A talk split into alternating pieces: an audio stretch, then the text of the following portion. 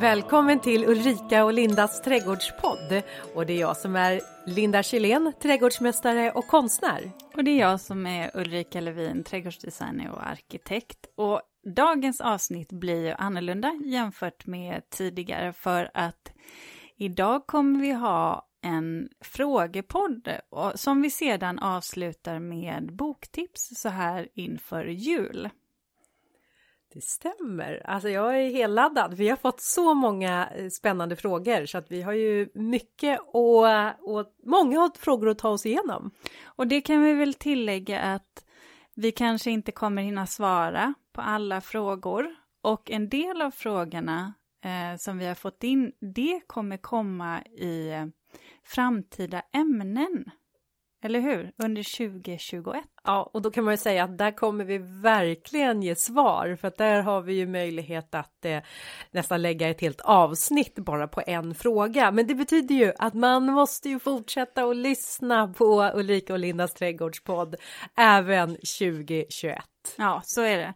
Och du, Linda, eh, nu är ju det här vår sista podd för säsongen. Eh, för vi kommer göra ett uppehåll och kommer vara tillbaka igen 15 januari.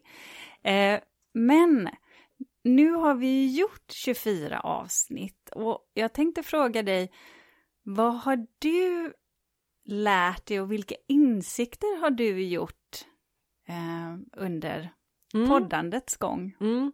Alltså den första insikten det är väl att jag har fått en rutin på någonting i mitt liv.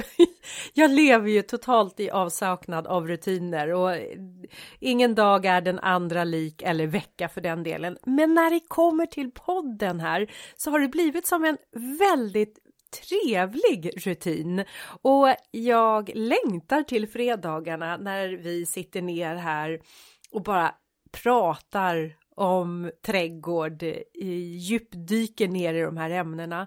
Så det är väl en sak, det här att jag fått lite rutiner. Och sen så tycker jag det är himla trevligt att jag har fått en jobbarkompis. Ja. Jag menar, har man alltid levt eh, sitt arbetsliv som ensam så eh, tänkte jag att jag, jag kommer nog ha svårt att kunna förhålla mig till att göra ett projekt tillsammans med en annan och speciellt en kvinna, för jag har nästan bara jobbat med män jämt. Men den där insikten har jag fått att det har ju gått jättebra. Mm. Och det kan jag skriva under på, för det här är också någonting som, som jag har, eh, eller jag har samma insikt som du eh, där, faktiskt. Mm. Eh, det känns som ett jätteplus.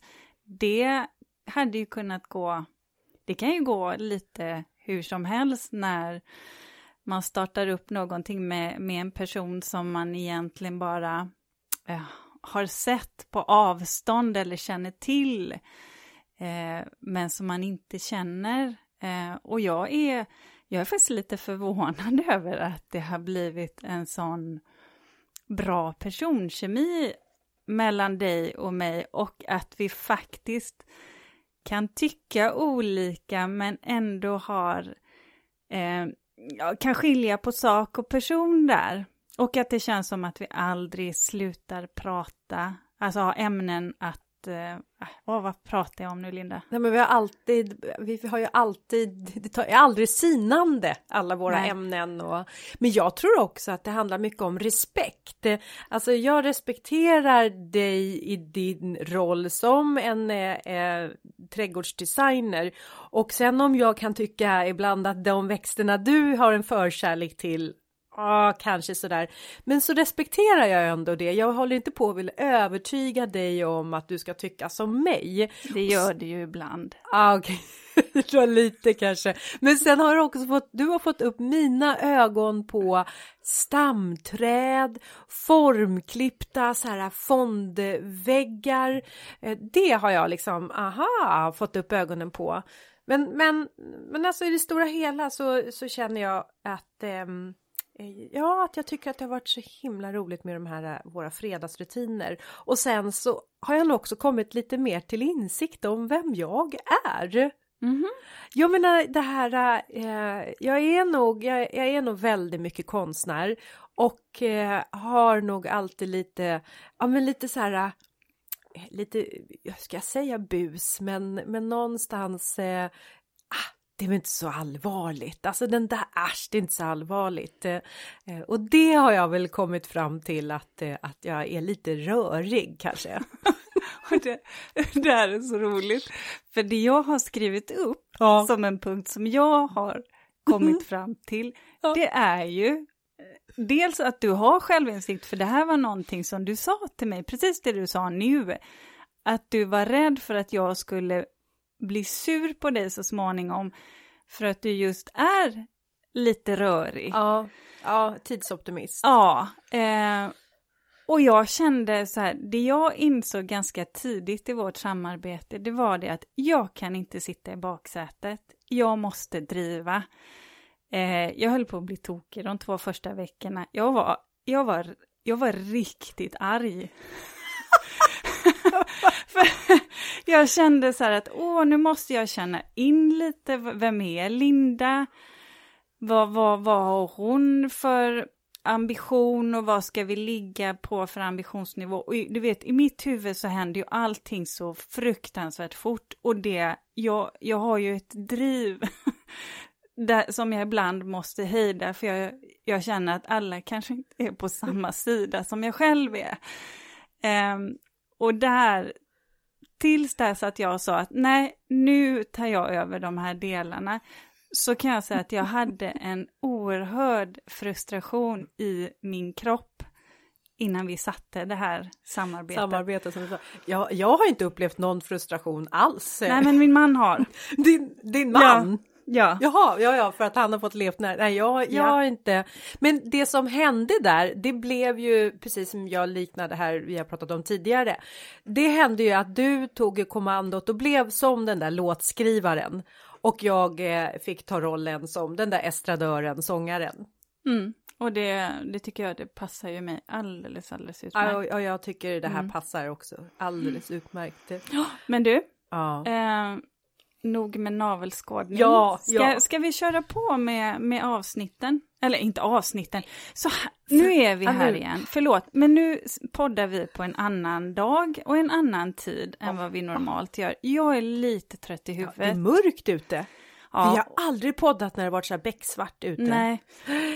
Och jag är så trött efter dagens arbete så att jag känner att min hjärna är lite frånkopplad. Ja, jag fattar. Eh, så att ja. jag börjar om och säger att nu ska vi gå till frågorna.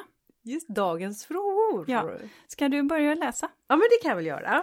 Då har vi fått en fråga från en, eh, en trogen lyssnare och följare också på Instagram och det är Jon, Johan, en lycke. Eh, han undrar professioner inom trädgårdsbranschen. Vad kan man jobba som eller med? Och vad skiljer de här olika yrkena åt? Alltifrån trädgårdsmästare, trädgårdsdesigner, landskapsarkitekt och landskapsingenjör.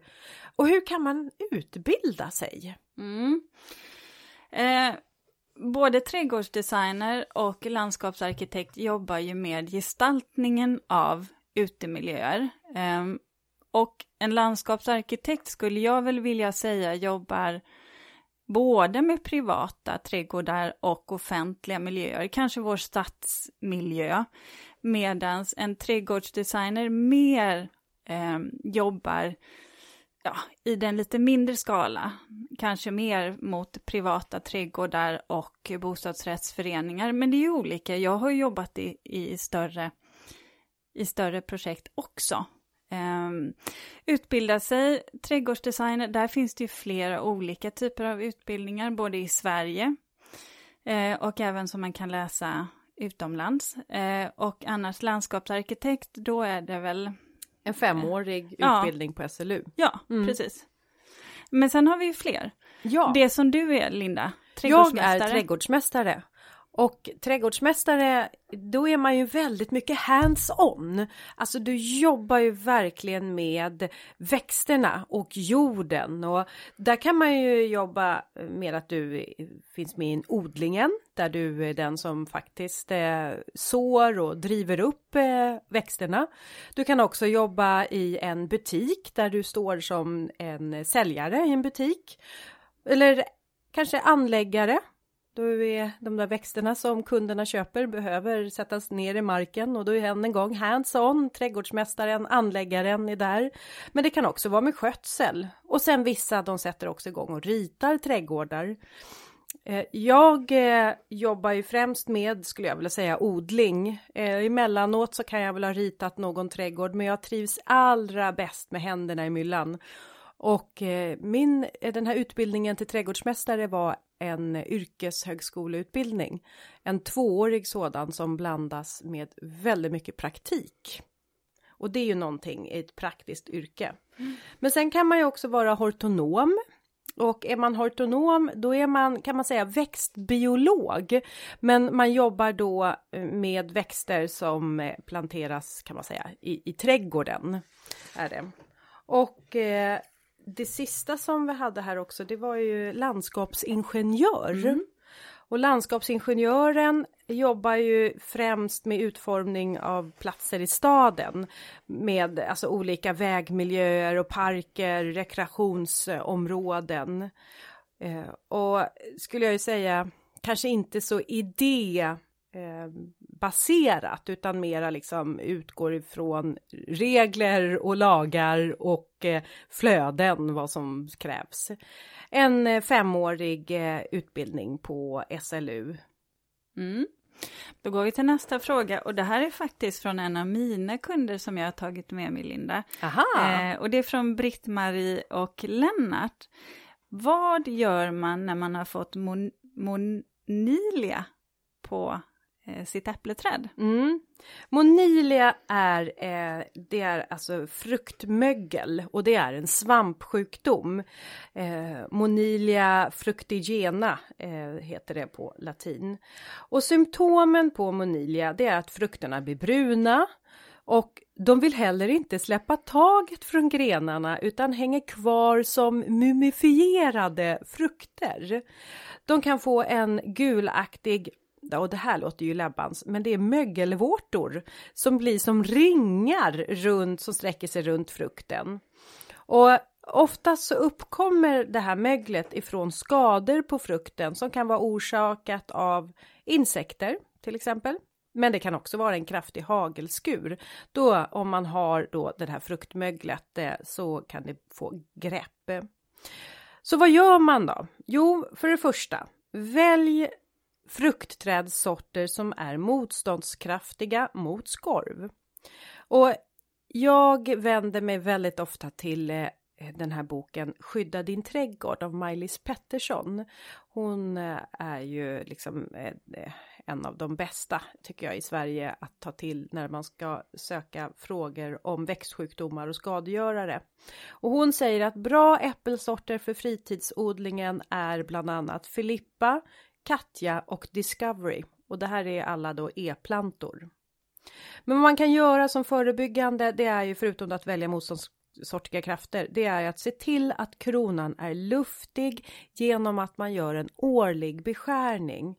Och så kan man också ibland behöva hjälpa trädet att eh, kartgallra sig så att inte de här frukterna sitter för nära varandra och på så vis då kan sprida de här sporerna. Men man ska också plocka bort alla fruktmumier eh, som sitter kvar på trädet så att inte de är kvar under hela vintern. Det vill säga eliminera så mycket som möjligt uppkomsten till fukt. Mm. För att annars överlever de sporerna. Ah, fattar. Ja, precis. Och så får man problem nästa år igen. Och se till att gallra ur kronan så att den blir luftig och solljuset kommer in och torkar. Mm. Då har vi fått en fråga av Marie. Och hon undrar så här. Eh, hur ska en tänka kring en plantering in till huset? Det gäller en entré till ett nybyggt vitt stenhus i Skåne. Men Maries make vill inte att hon planterar närmast huset på grund av dräneringen. Men vad kan passa i form av växtlighet och då gärna någonting vintergrönt? Mm.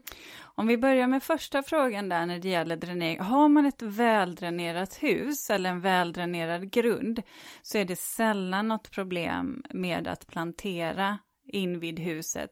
Men å andra sidan eh, så finns det ju egentligen ingen poäng att sätta eh, växterna eh, direkt in vid husgrunden. Dels för att alltid blir väldigt torrt för växterna, plus att man då ofta får jord som skvätter upp när det regnar. Så att jag tycker att släpp en, en ja, släpp en yta, en remsa mellan husgrund och plantering på åtminstone 25 cm. Den kan vara bredare upp till 35-50 cm. Eh, där man bara kan lägga vanligt grus, alltså gårdsingel, naturgrus, 4 12 mm. Det behöver inte vara något dekorationsgrus alls.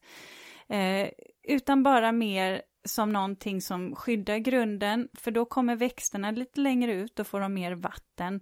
Och sedan så slipper man få massor med jord som skvätter upp när det regnar. Ehm, sen är det ju självklart så här att man planterar ju inga invasiva växter i närheten av huset. Det gör man ju inte med vanliga perenner och vissa buskar. Det är inga problem att sätta där.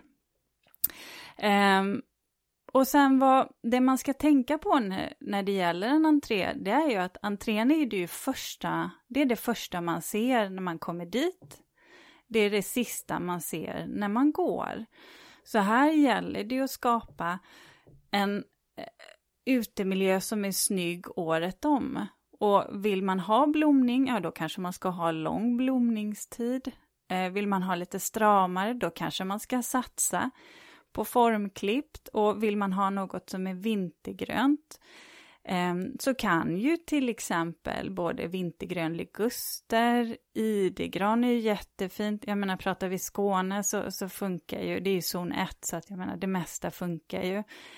Um, man kan ju naturligtvis också titta på lagerhäggen, den kan vara väldigt vacker. Rhododendron har vi ju, men kanske då att man satsar på lite mindre buskar, alltså mindre storlekar som är lite mer kompakta, som till exempel Cunninghams White.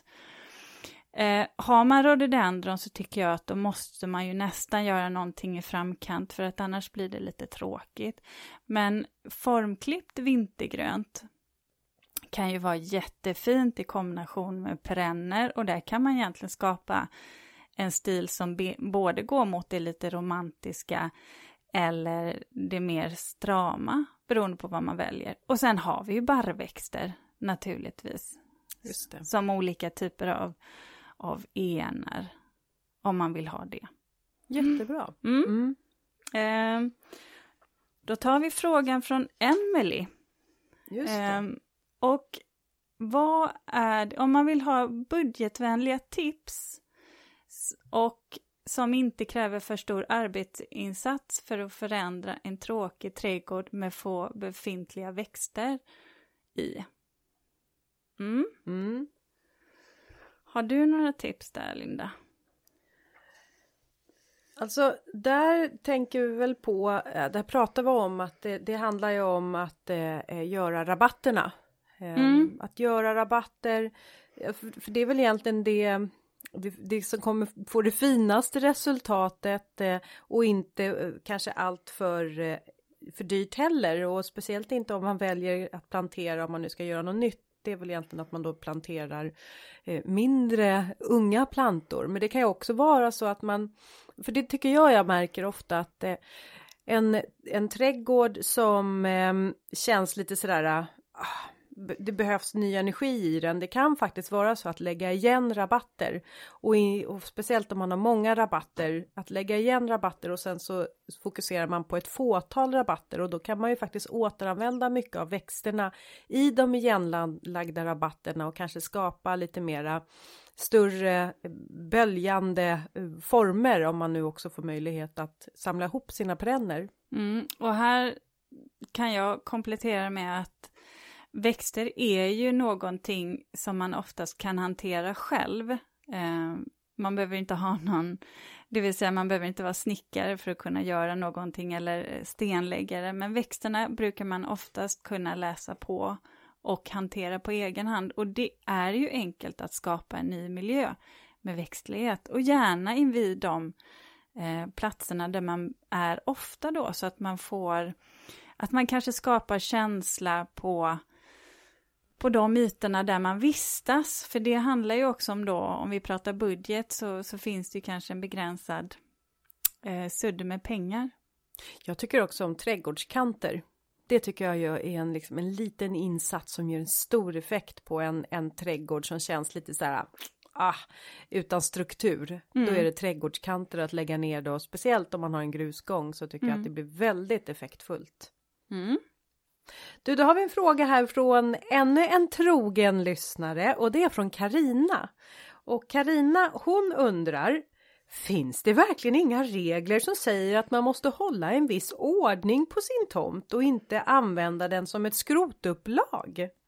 Jo, men det gör det och det är ju byggnadsnämnden som, som har det ansvaret och det här regleras ju bland annat i PBL, alltså plan och bygglagen, men det kan ju också vara så att jordbalken eller miljöbalken för den delen kommer in också. Och det är ju så att man som fastighetsägare är skyldig och har ett ganska strikt ansvar för att sköta sin tomt. Och det är ju för att eh, det inte så att säga, det dels inte ska bli en betydande oangelägenhet för omgivande grannar, det vill säga att om man har en tomt som lockar till sig skadedjur, så är inte det någon höjdare eh, för grannar. Det får heller inte finnas någon risk att eh, ja, för olycksfall på tomten. Det får ju heller inte bli ett skrotupplag eller ett upplag av prylar egentligen. Det kräver tillstånd i så fall. Um, så att jo, det, det behöver man göra. Däremot så kan man inte säga någonting om grannens smak. Eh, om man har trädgårdstomtar eller om man har maskrosor i en gräsmatta eller lite ovårdade buskar. Nej men det, det går inte. Tycka vad man tycka vill om det. Ja, ja. det är det inte. Det funkar inte. Mm. Ja, ja, men det var intressant, då vet vi. Mm. Mm. Eh, och så då har vi en eh, fråga från Sara. Eh, knippebakterios och crown gall på framförallt dahlior. Var kommer det ifrån? Hur undviker en det och vad gör en med den smittade jorden? Mm. Knippbakterios, det är ju en, precis som namnet säger, en bakteriesjukdom som tyvärr är väldigt smittsam. Det här är alltså bakterier som sprider sig genom jorden eller som sprider sig mellan smittade plantor. Och vad som händer det är att eh, vid basen på plantorna, till exempel pelargoner kan drabbas utav knippbakterios och då bildas det samlingar av missbildade täta skott blir det så att den kan liksom, alltså den får, du vet som fingersvampar, mm. du känner du till? Ja, ungefär så, fast det är liksom, och det händer ingenting mer, de växer liksom inte upp utan, och då vet man att nu är det knippbakterios. Eh, och för att förhindra det här, då handlar det om att eh, förhindra smittspridning. Att eh, smittade växter ska slängas och absolut inte förökas vidare genom till exempel sticklingar eftersom en stickling är en direkt klon och då för man smittan vidare. Om möjligt köp certifierade växter som är fria från just plantburna sjukdomar. Eh, Crown Gall, jag undrar om det är och tänker på om det är klumprotssjuka. För just dahlior, där eh, planterar man ju ner knölarna i jorden och eh, då kan, eh, jag har inte hört så mycket om det här om det är så att dahliorna drabbas, men just klumprotssjuka är också en svampsjukdom, eller också är en svampsjukdom på rötter och på de underjordiska delarna som blir som missbildade svulster. Alltså om nu man har en, en, en, Eh, en klump som egentligen ska vara som en morot säger vi, som växer som en pålrot, så kan den bli helt deformerad och bli just eh, alldeles missbildad. Eh, och den här svampen då som man vet har angripits, den gynnas av en väldigt kompakt jord. Men man har också sett att det kan vara en jord som har för lågt pH-värde och i kombination med en varm väderlek. Om man märker att man har fått klumprotssjuka då ska man slänga angripna växter och sen så ska man faktiskt undvika att odla på den här infekterade jorden. I alla fall den här typen av växter som eh, har just eh, den här eh, rotsättningen. Och vad man möjligen skulle kunna göra det är att kalka upp jorden för att höja pH-värdet. Men ledsen, det, det största rådet är släng infekterade plantor. Mm. Ja, Mm. sorgligt men sant. Sorgligt men sant. Mm. Eh, då har vi en annan fråga här och vi vet inte vem det var som har ställt den här frågan men vi tar den ändå. Jag vill ha ett träd på min framsida. Det är radhus i norrläge, zon 3. Eh, Det är något lerig jord. Vad jag vet att jag inte vill ha det är någon klotformad trädkrona utan gärna lite mera spretigare. Och det får inte vara allt för stort men gärna relativt högt på stam så man kan gå under. Mm. Och då är ju alltid frågan det här för att när vi pratar norrläge så är det ju som sagt var så eh, om vi pratar ett litet radhus eller litet säger jag, men jag förutsätter att det inte är allt för högt i alla fall och då brukar det ju ändå vara så att en del av sol, en del sol kan komma på trädet, på själva kronan, stammen är ju egentligen strunt samma. Eh, och då skulle jag välja ett träd, eh, alltså en liten pärlrönn. Eh, de är jättefina. De Men blir de ju. så höga då? Nej. Alltså, nej. Och det var ju det det inte skulle vara. Men man ville gå under Ja. trädet. Men då får man ju ta på högstam. Ja. Det är ju det vi pratade om Mm. i avsnitt två. Och vi har nämnt det vid flera tillfällen. Oavsett vilken sort du vill välja, så välj ett träd på högstam. Då är det så att kronan börjar inte förrän eh, på, ja vad är det, 2, 2,20 brukar man ympa in kronan på. Eh, och då kan du alltid gå under trädet. Så det, det är mitt eh, tips. Sen är det ju här att när det är som det gäller med alla rönnar, de kan absolut stå i lerjord, men de kan inte stå i en våt jord. Så där... Det, eh, det gäller nästan de flesta växter trivs Ja. inte i en alltför våt Nej, det skulle väl vara någon... mm. Sump. Ja, precis, sån pil, vissa Mm. pilar Ja. va? Mm, Som fil- gillade det. Och björkar kan också. Ja, trivas. så då. Mm. Då har Kristina ställt en fråga och hon undrar vilka växter är bra att kombinera på en naturtomt och som avskärmar mot skogspartier med granar, tallar, björkar och lönn. Tomten ligger i Roslagen och är utsatt för vind. Då uppfattar jag det som att hon pratar om att hon vill ha lite högre växter, om vi pratar avskärmning. Då skulle jag satsa på typiska landskapsväxter, växter, eh, som till exempel fläder, doftskärsmin och hassel. Mm, fint, Mm. fint, fint. Mm. Och doftar jättegott. Ja, ja, ja. Och, och, och så kan du använda dig utav fläderns bär. Mm, Ja, men en naturlig fauna.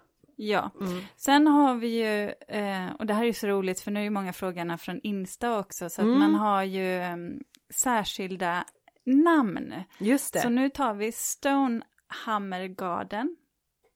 Eh, och här då, hur ska man tänka med bevattning på höstkanten? Främst när det gäller nyplanterade växter, växter. Till exempel rosor som vill ha en fuktighetshållande lerjord men kanske inte stå i vinterfukt. Städesgröna växter som till exempel tuja ska det laddas upp med vatten på senhösten för att klara eh, vårsolen. Mm. Alltså då är svaret vattna så länge som det är torrt eh, på hösten och så länge som rosen har sina blad kvar. Men sluta att vattna så snart eh, rosen har blivit avlövad eller är jorden fuktig och, och blöt så behöver du ju inte vattna. Men eh, eh, så länge som eh, rosen har blad vattna när rosens blad har fallit till marken eh, sluta vattna. Och precis som eh, eh, frågeställaren är inne på så gäller det att fylla städesgröna växter med ett reservlager med vatten för att undvika just tjältorka på våren. Och då kan det vara bra att man eh, så länge som man eh, liksom det, det är plusgrader ute och de här eh, vintergröna växterna fortfarande drar vatten så ut och vattna dem. Och speciellt gäller ju det här nyplanterade vintergröna växter. Äldre vintergröna växter, de brukar ha ett sånt välutvecklat rotsystem så att de klarar tjältorkan. Men just nyplanterade vintergröna växter som bara har kanske stått på platsen en, en två, tre år, vattna. Och det här, just bevattningen upplever jag är en av de grejerna som mina kunder har absolut svårast med eh, när de har nyplanterade växter. För dels så finns det en tendens att vattna lite för mycket under eh, sommaren. Eh, för det man får tänka på är att i början så har ju inte växterna, nyplanterade växter, ett så stort rotsystem så de kan inte ta till sig hur mycket vatten som helst och då vattnar man gärna så mycket så att jorden blir våt. En, mm. en fuktig jord ska ju kännas kall, men den ska ju inte vara blöt. Det, alltså då kväver man rotsystemet. Och sedan så slutar man vattna lite för tidigt, för är det en varm september och oktober som vi har haft i år och dessutom har den varit ganska torr stundtals, då behöver man fortsätta vattna.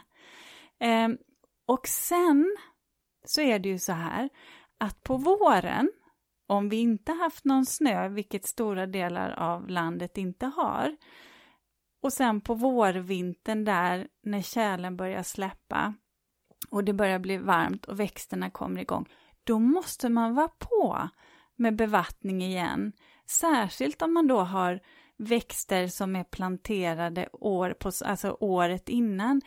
För då vill de ha ganska mycket fukt och då brukar mina kunder missa och särskilt de här vintergröna växterna är ju lite extra känsliga när kärlen går eh, ur backen och det kan bli varmt igen och sen frysa och så blir det lite varmt. Då måste man vara med, vara beredd att vattna i tid. Mm. Just det. Mm. Bra. Eh, då hade vi en eh, eh nu ska vi se här, nu hoppar och far här bland alla våra frågor. Vilken var det vi skulle läsa nu? Ulrika? Skulle vi ta Livet på Lyckevägen? Livet på Lyckevägen? Ettan. Ettan, där har vi den. Mm. Ja. Vad är det största misstaget man kan göra när man planerar sin trädgård? Jättestor fråga. Eh, egentligen. Ja. Men det jag skulle vilja säga det är att inte vara ärlig mot sig själv och att låsa sig för tidigt. Oftast så är det ju som sagt var så här att man börjar diskutera utifrån befintlig struktur och det ska man ju göra på ett sätt för att är det så att man vet med sig att man inte har råd att göra om vissa saker så behöver man ju kanske utgå från det men om det är ett problem, om råd i trädgården som man bygger hela designen kring, ja då blir det ju inget bra. Så att jag skulle nog vilja säga så här, var så fri som möjligt i tanken, verkligen utvärdera alla lösningar på ett öppet sätt. Börja inte diskutera vad, vad man kan göra eller de här vad ska man säga, vad ens eh, svårigheter ligger i från början. Om det gör att man eller jag tänker så här att man inte kan göra anläggningen själv. Börja inte där, utan börja fundera på vad man vill ha och varför funktion. Och sedan går man därefter. Eller så är det ju som, som så många gör, man bara börjar någonstans utan att ha en plan. Det blir ju sällan optimalt, skulle jag vilja säga. Men man har sysselsättning hela tiden. Ja, Nej men man, man, man, bör, man bör ha en plan faktiskt, så är det så. Det, det bör man ha. Ja annars men det blir dyrt. Annars, ja men det blir, det dyrt, dyrt och så drabbas man av trädgårdsstress för man känner sig otillräcklig för man når aldrig i land med sina projekt. Och sen kan jag också tycka, om du inte har om du inte har obegränsat med resurser eller tid, ja men begränsa dig då. Gör grejerna där det är viktigt, där du kan njuta mest av dem. Var inte i hela trädgården samtidigt, förenkla vissa delar. Nu ska du läsa tvåan igen. Ska... Ja, nu ska jag läsa igen ja. ja. Vilka byggstenar, saker att tänka på eh, är viktigast för en fin trädgård på lång sikt? Ja, men förutom då att ha en plan eh, så tycker jag att då ska man ju börja med stommen. Eh, gärna, först när vi pratar stomme så tänker jag också på växter då, det vill säga saker som tar lång tid på sig eh, att växa och bli stora som träd. Jag tycker man ska fixa sin inramning, sitt insynsskydd, för det är ju också vind, vindskydd. Eh, och sedan så är det ju eh, att ha ett bra rörelsemönster i trädgården. Att man är där det är trevligt att vara på sin tomt. Ja, för det tycker jag också är eh, en viktig del när man planerar sin trädgård, att man eh, använder hela trädgården och inte låter liksom stora delar bara liksom ligga i glömska, utan eh, att man säger, men okej, nu placerar vi ut växthuset där i tomtens högra hörna som vi annars aldrig går till. Mm. Eh, sådär att man försöker liksom använda sig av trädgårdens yta. Och man kan ju skapa mysiga hörnor naturligtvis av en oanvändbar del, men samtidigt så är det ju som du säger att sätta en uteplats på ett ställe där man vet att det inte är trevligt, alltså där förutsättningarna egentligen inte finns. Nej, då tycker jag man ska tänka om. Mm. Man ska inte bara göra saker för sakens skull. Nej. Man måste ha en plan. Och nu är vi tillbaks där. Ja. Planen är en av de viktigaste. Men ja. du Linda, mm. om man nu har en väldigt stor trädgård. Hur kan man förenkla en sådan och göra den mer lättskött? Mm.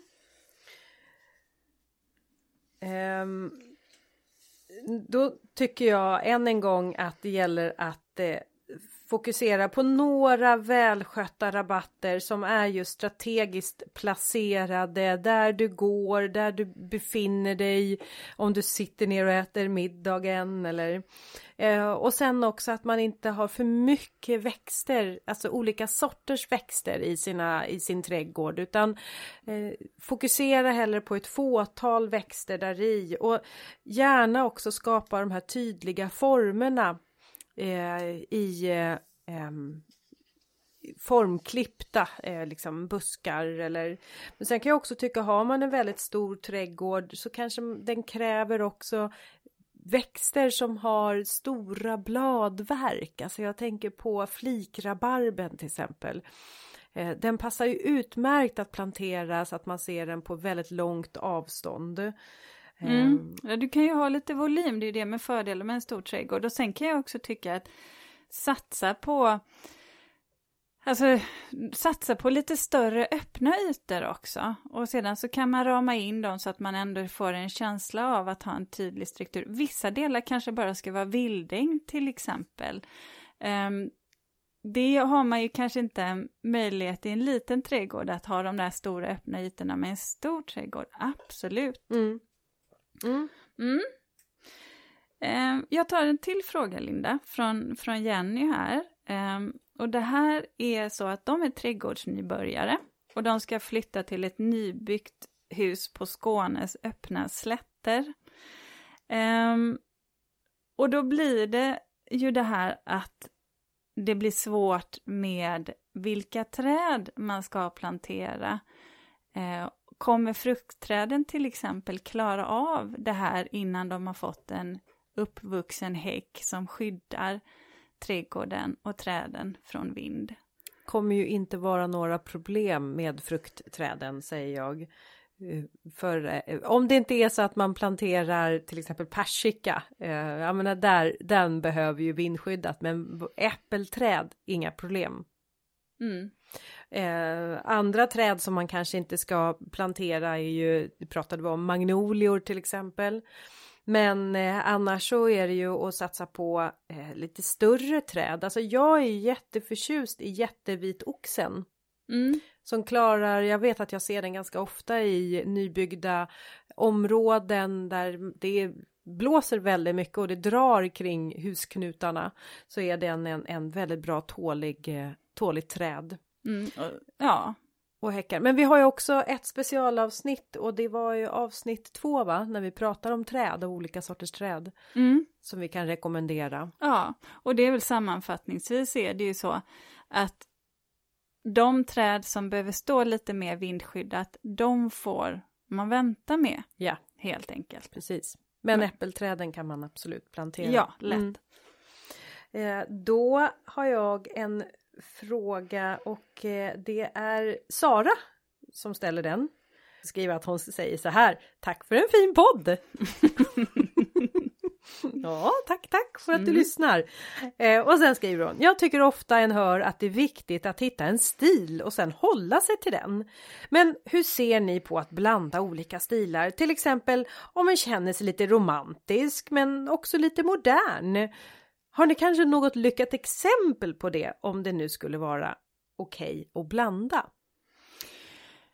Jag tycker väl, eh, jag tycker väl definitivt att man kan blanda, men att man i så fall gör det konsekvent, skulle jag vilja säga. För till exempel en, ja, en modern trädgård har jag ju, om man har ett modernt formspråk i själva själva dispositionen av ytorna, kanske sitt trädäcke eller sin pergola, sina gångar, så kan man ju ganska enkelt blanda upp det med Alltså kanske lite japanska gräs som får det här yviga som gör att det blir en kontrast eh, och som också gör att det känns lite modernt.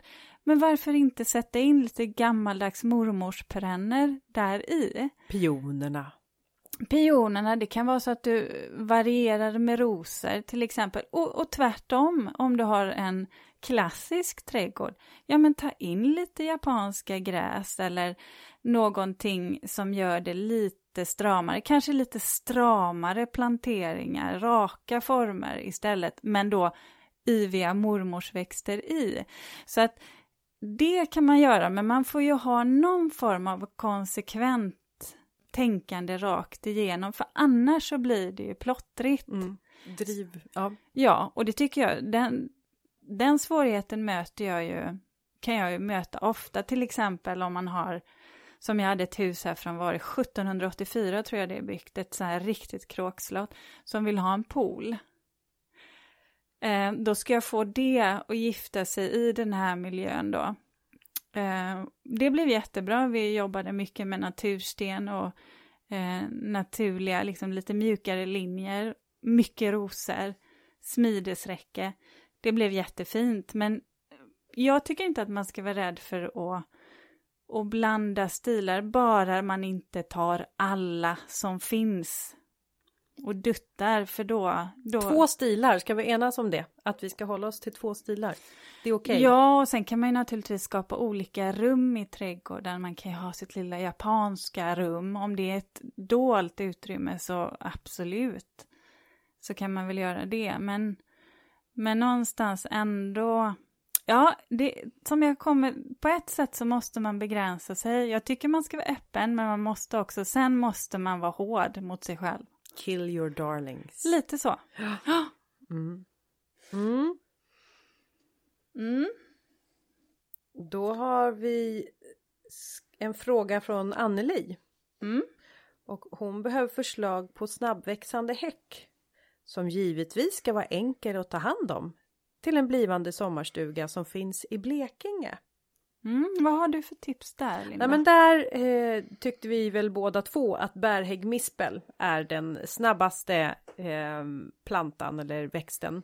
Eh, sen är det ju så här med häggmispel att de har ju drabbats av ehm, ehm, Mjöldagg. Tack, mjöldagg. Och eh, så det får man ju ha med sig att eh, det kan, man kan få det eh, problemet. Men annars är bärhäggmispel den, eh, den snabban, snabbast växande. Mm, och Alvdal E ska vi säga att det är den sorten vi pratar om. Ja. Den är ju friskast också. Mm.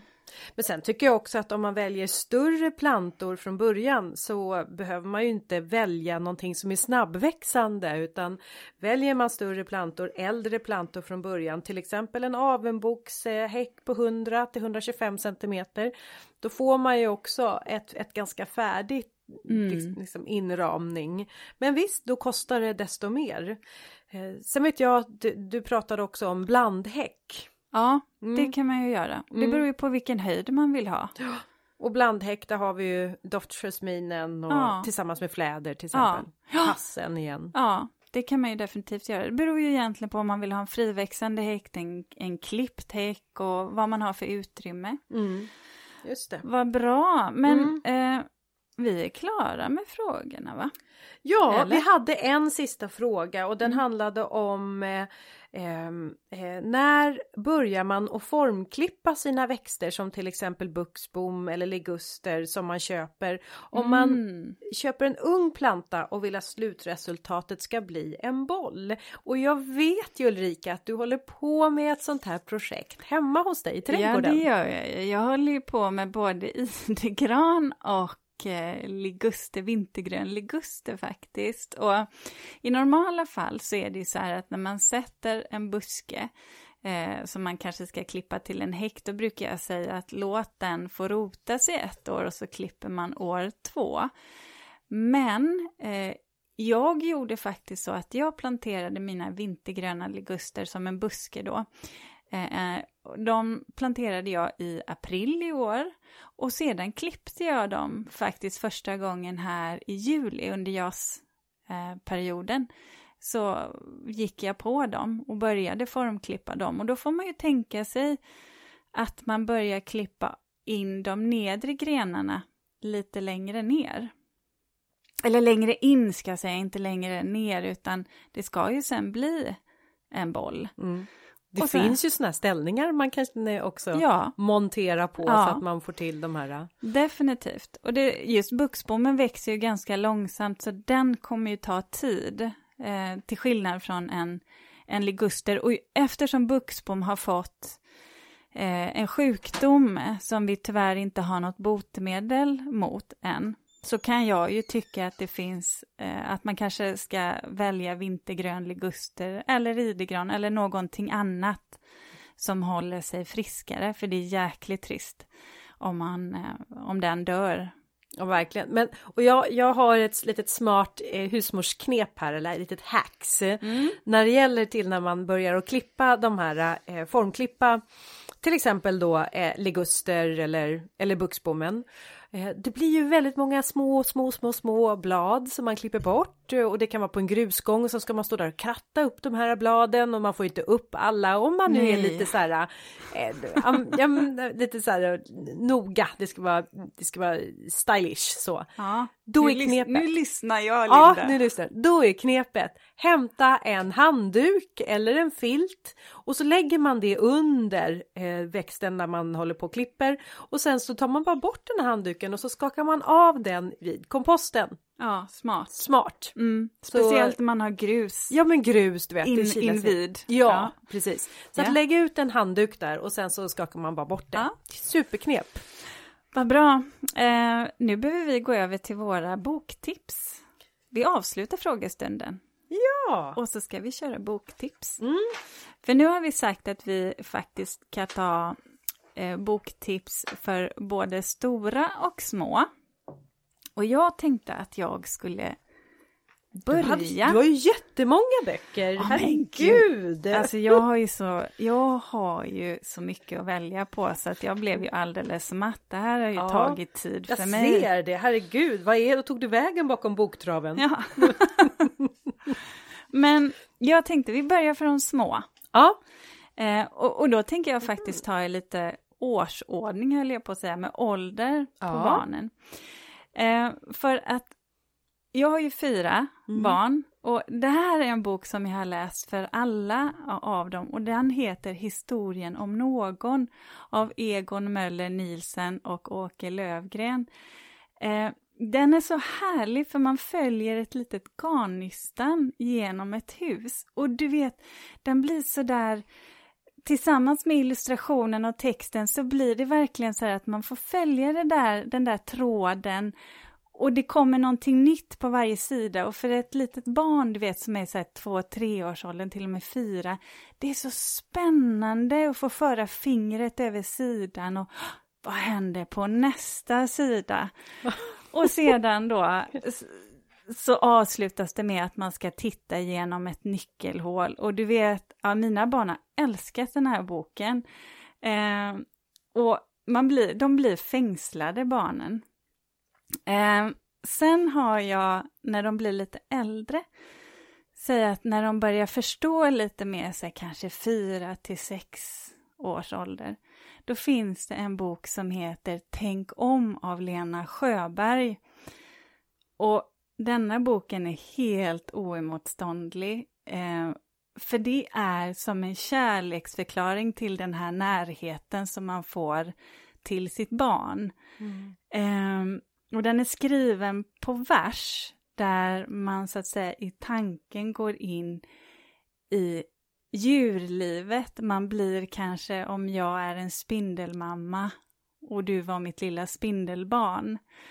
Och så beskriver hon så kärleksfullt och fint om vad, hur det skulle vara då. Och den här, alltså att ligga och läsa med sitt barn och höra på den här boken, alltså den är helt, det, det är magiskt. Åh, oh, jag vill ha små barn igen. Ja.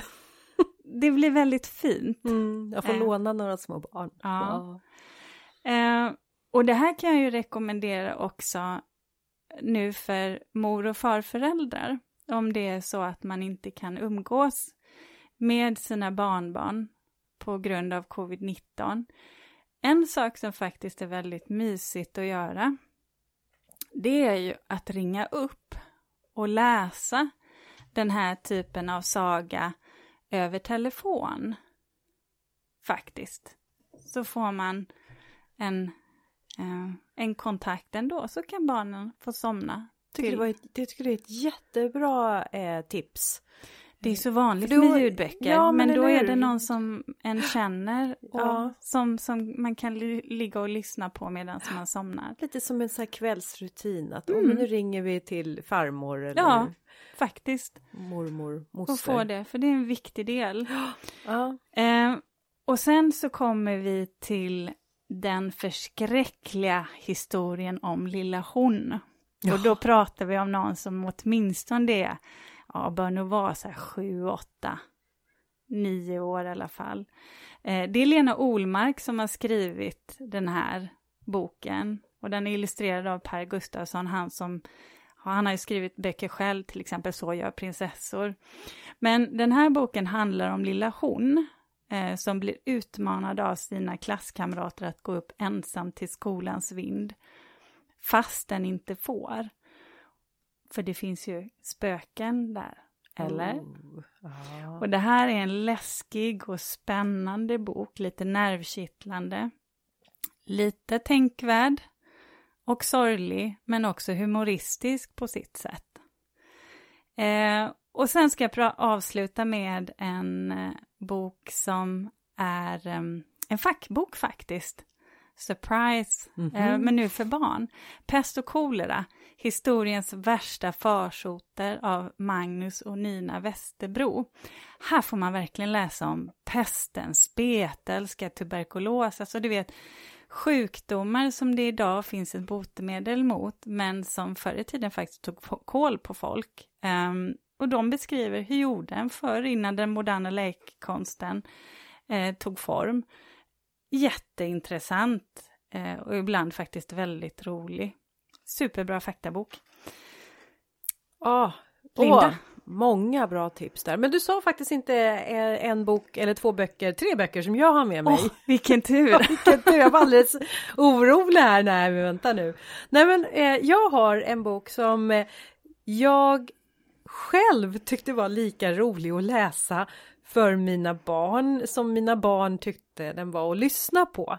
Och den här heter Ellens äppelträd. Mm. Och den är av Katarina Krusvall. Ja, ja Ellenböckerna är ju fina. Ja men eller mm. hur! Mm. Och just den här boken, den kan man säga att det är, handlar om kärleken till och förlusten av ett äppelträd. För att ehm, eh, Ellen har ju ett äppelträd dit hon smyger iväg och har sin koja i och till sin eh, eh, med sin kompis. Eh, men eh, Olle, men en dag så kommer ju en stormvind och vad som händer med just då äppelträdet eh, eh som har stått i Ellens trädgård i hela hennes liv och många generationer dessförinnan. Eh, men när stormvinden kommer eh, och den tomheten som uppstår när eh, jag ska inte avslöja vad som händer med äppelträdet, men det förstår man kanske. Men det jag också tyckte, tycker så mycket om i den här boken, det är de här, jag vet inte, jag ska visa dig nu Ulrika, det är de här eh, alla teckningarna, mm. illustrationerna. Ja. De är ju så detaljrikt gjorda, vilket gör att om man nu läser för ett barn som ja, lite tröttnar ibland på att lyssna på texten, så finns det väldigt mycket att titta på och mm. spännande att upptäcka. En liten katt eller ja, eh, på baksidan av boken så står det Ellens äppelträd, det är hennes och Olles bästa gömställe. Hela året om leker de runt trädet, men en vinternatt tar stormen det fina äppelträdet. Åh, vad Ellen saknar sitt träd. Till våren går hon och mamma till plantskolan och väljer ett nytt träd. När Ellen smakar det första äpplet från det nya lilla äppelträdet, då är det en högtidsstund. Mm. Ja, men den, jag tycker så mycket om den boken. Mm. Eh, och man ska väl säga vilken ålder kan det där vara då? Ja men det kanske är mellan fyra och... och... Ja upp till sju i alla fall. Ja upp till sju år. Mm. Eh, sen har jag eh, två andra böcker som är något högre i ålder och lite mera ungdomsböcker skulle jag väl vilja kanske kalla dem. Mm. Och eh, den ena boken den eh, heter ehm, Anton och Teitur mm-hmm. av Angelica Örn. Och det här är ju en bok som såklart jag tycker mycket om därför att det handlar ju om en relation mellan en pojke och hans islandshäst. Men också en bok som handlar om vänskapsrelationer, den första kärleken och livet som skilsmässobarn. Därför att eh, eh, Anton han går i åttan, han bor med sin mamma i Sverige sen pappan, ensam då, sen pappan flyttat till Tyskland. Och på fritiden så är Anton i stallet och tränar med sin islandshäst Teitur. Eh, men sen kommer julen och då så ska Anton eh, åka iväg till sin pappa nere i Tyskland. Och den här vistelsen i Tyskland kanske inte blir då som han har tänkt sig. Men mm. mycket mer. Eh, så att den, eh, den boken kan jag varmt rekommendera. Och sen har även Angelica Örn skrivit en annan bok som också handlar om kärleken till hästar. Och den heter Drömmen om Shamir. En klassisk hästbok eh, med Mm, i recensionen och texten står det med en välkända komponenterna. Mm. Eh, så att ehm, eh, konsten, en bok om, som handlar om att inte släppa sina drömmar. Mm. Många tankar där. Ja. Mm. Så att eh, två hästböcker och en, en bok om ett äppelträd. Ja. Ska vi gå på vuxenböckerna då? Ja, det tycker jag. Ja. Då ska jag säga en bok som jag, som faktiskt är den bästa skräckromanen jag någonsin läst. Oh, vad obehagligt. Den heter Kvinnan i svart av Susan Hill och jag lyssnade faktiskt på första avsnittet på radio, för det var nämligen så att jag hade på radion av slump och så var det radioföljetongen på P1. Eh, och då gick den här, då lästes den här boken upp av Björn Granat, du vet han som var Madickens pappa. Just det. Ja, mm. i, i filmerna där. Eh, och jag satt och ritade och fick kalla kårar av, av den här uppläsningen som han gjorde. Så jag bara tänkte, den här boken ska jag läsa. Uh, och den är så kuslig, historien är så kuslig och så väl uppbyggd så att jag, alltså jag rös när jag läste den här boken, för den handlar om en ung advokat som får i uppdrag att ordna upp ett, en gammal kvinnas dödsbo. Eh, och i det arbetet så besöker han då Ilmarsh House, en egendom som besitter en svart historia, en väldigt ondskefull hemlighet och alltså det, den medför katastrofala följder. Oj. Riktigt oh, bra. Jag blev väldigt, väldigt nyfiken. Kan du inte berätta bara? Nej, men läs den kan jag säga. Okej, men du, ja. Eh, ska, vill du ta en av dina böcker? Ja, men då kan jag ta en eh, emellan här. Och eh, jag gillar ju böcker som eh, finns i trilogier eller som det finns fortsättning på. För att jag kan tycka att det är så svårt att hitta nya böcker. Det blir som att när jag läst en bok, då är jag som bästa kompis med den boken. Och sen tar den eh, historien slut och då uppstår som en tomhet och då känner jag så här, det går ju inte att hitta någon ny bok nu. Det, det här, det är ju den boken och då kan jag tycka att det är så mycket lättare om det då finns fortsättningar. Då är man så här, bra, då fortsätter jag bara på eh, bok nummer två. Så att nu har jag valt en trilogi. Spännande, vilken är det? Det är Malou von Sivers som eh, har skrivit en eh, personlig familjekrönika som sträcker sig från 1900-talets början till nutid. Och den handlar om att ärva ett sår över flera generationer. Eh, Nu och- blir jag intresserad av att höra vad du tyckte om den, för det här, det här skulle jag också vilja läsa, nämligen de här böckerna. Mm. Eh, då, då är jag ju så glad över att det finns en trilogi så att jag har ju än så länge eh, bara läst första boken. Mm. Eh, så att jag har både, eh, första boken heter Mitt hjärtas oro. Eh, och jag tycker ju, dels är jag ju så här lite, mina, mina tankar de far lätt iväg när jag håller på och läser en bok och så börjar jag helt plötsligt, få, jag får så många bra idéer när jag läser böcker. Eh, men om det är någon som är bra på att skriva eh, så fångar texten ändå mitt intresse och det tycker jag Malou har lyckats med i den här boken. Den är ganska lätt att läsa och ta till sig. Eh, och Mitt hjärtas oro eh, är första boken och sen så eh, heter den ehm, andra boken är ehm, eh, Olycksbarnet och den sista boken Inför hans blick.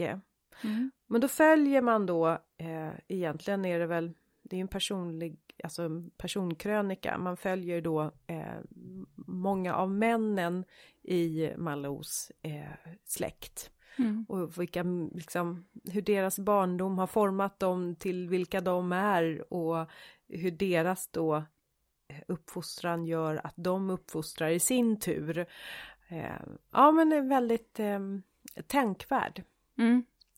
Definitivt, det är stora frågor Mm. och det är väldigt, väldigt intressant för då går man ju ner på djupet och vad man ärver Mm. faktiskt. Och våga bryta mönster. Ja. Du, jag har också en trilogi. Jaha! Ja, jag, Ja. jag känner att jag börjar prata fort nu för jag Ja. tänker att vi ska, vi har lite andra grejer vi ska Ja, hinna med det, också. just det. Jag har en till bok här Ja. också. Ja. Eh, men jag ska faktiskt läsa en bok. Eh, Ska du läsa en bok nu också? Ja, eh, som jag har läst. Jag läst eller bok ett och två av den här trilogin. Det är sista delen heter Spegeln och ljuset av Hilary Mantel. Och det är en romantrilogi eh, som handlar om hovet runt Henrik den åttonde och närmare bestämt Thomas Cromwell. Eh, det är en enkel man som når långt genom att vara mästare på det här intrikata spelet och han är modig men också helt tveklöst brutal om det är så eh, att han behöver vara det. Eh, och det här, eh, alltså det är en sån välskriven skildring av, av maktspel och eh, människor. Eh, och Hilary Mantel då, hon beskriver ju historien alltså genom karaktärerna skulle jag säga, genom skeenden.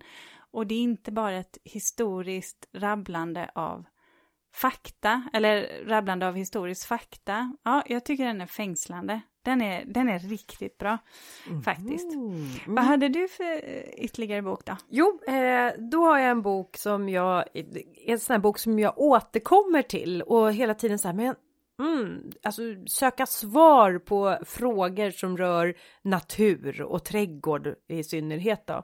Eh, en bok som tar upp lite sån här värdelöst vetande. Och den boken heter Trädgårdens mysterier av Guy Barter. Så fungerar det i din trädgård. Och den, ja men visst har man väl haft såna här frågor som eh, hur mycket dricker ett träd? Eh, nej, Nej. men det skulle ju ändå vara intressant att veta. Ja, eh, kanske du haft en fråga som varför får jag många äpplen ena året på trädet men få äpplen nästa? Ehm, hur eh, fort transporteras vatten i en växt? Vem uppfann trädgårdstomten? Och eh, vilken mat ger bäst kompost? Ja, men den kan ju vara intressant. Ja, men och, alltså det finns så många spännande eh, frågor. Vad är skillnaden mellan frukt och grönsaker? Men Ja. du, Ja, nu har jag en liten överraskning här nej men, till dig. nej men du. Du får en liten tidig julklapp till vår ljudtekniker Peter också. Nej men Ja, så, för det här är någonting som jag tänkte att det här kanske ni kan läsa inför julen. Nu får ni öppna dem. Får vi öppna dem? Absolut. Så att nu Oj. medan Linda och Peter öppnar det här så ska jag säga en, en annan bok som jag har lagt på min, eh, eh, som kommer ligga på mitt eh, nattduksbord under julen. Det är faktiskt Jonna Bornemark, Horisonten finns alltid kvar, om det bortglömda omdömet. Hon jobbar eh, inom filosofi, praktisk filosofi vid Södertörns högskola. Hon är så himla spännande att lyssna på.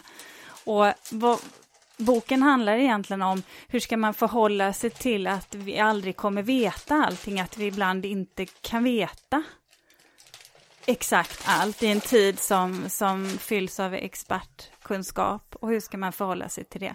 Oh my god! Ja, berätta nu. Vad- Virginia Woolfs trädgård. Ja, jag vet inte om du har varit där, Linda? Nej, det har jag inte varit. Nej, vad bra. Men du, äh, det här, åh men det är ju underbart! Vadå, får jag den här boken av dig? Den, den får du titta. Det är om Monk House Ja. och hur de skapade sin trädgård. Monks. Och sen- Lovely! Ja, vad bra. Peter då? nu, Men nu får vilken du, nu får du, ehm, Linda, antingen får du läsa upp eller så får Peter Vänta, jag kan tala. inte koncentrera mig på något annat just nu. Jag vill Ja. bara titta i min bok. Ska, ska du prata i min mick då? Vad fick du Peter? Jag, jag, kan, jag kan prata så här. Kan du? Ja, jag pratar långt. Ljudtekniker Peter. Jag fick en bok om le, en, leenden. En fälthandbok. Ja. Som handlar om är, Eh, våra leenden är ojämförligt sociala... Jag kan inte ens läsa. Är ett ojämförligt socialt smörjmedel. Vid rätt tillfälle kan det rädda en social situation men ett elakt flin kan också utnyttjas som ett väl, en välriktad attack. Mm. Jag tänkte, du är ju en liten klurig man där Peter och träffar ju många människor, dock inte i dessa coronatider, så jag tänkte du behövde ha något som lyser upp. ja, det är så roligt. Peter vet, visar en bild där med människor med munskydd på, leendet bakom masken. Ja, så. Oj. Ja, Men Ulrika, du, eh, eh, du överraskar mig ordentligt här. Ja, men vad bra. Men Linda, nu ska du få förbereda dig.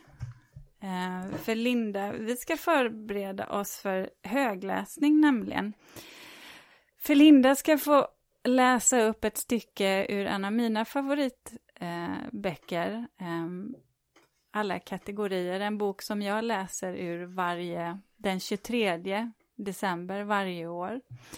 Ehm, men innan hon gör det så ska jag då bara påminna om att nu gör vi ett uppehåll.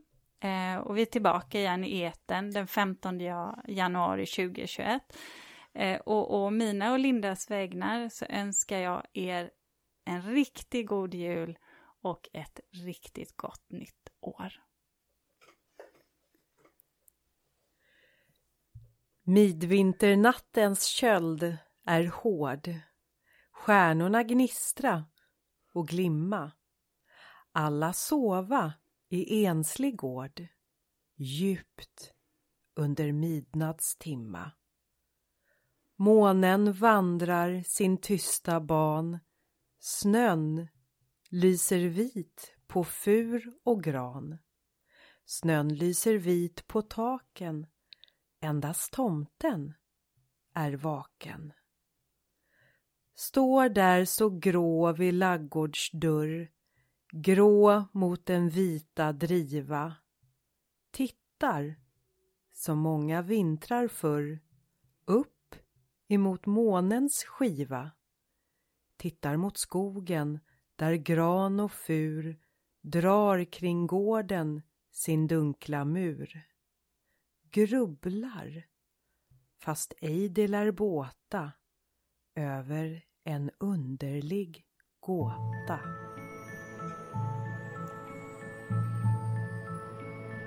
Oh.